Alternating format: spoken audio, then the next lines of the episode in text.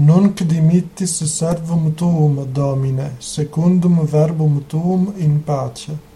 Quia viderunt oculi mei salutare tuum, quod parasti ante facem omnium populorum.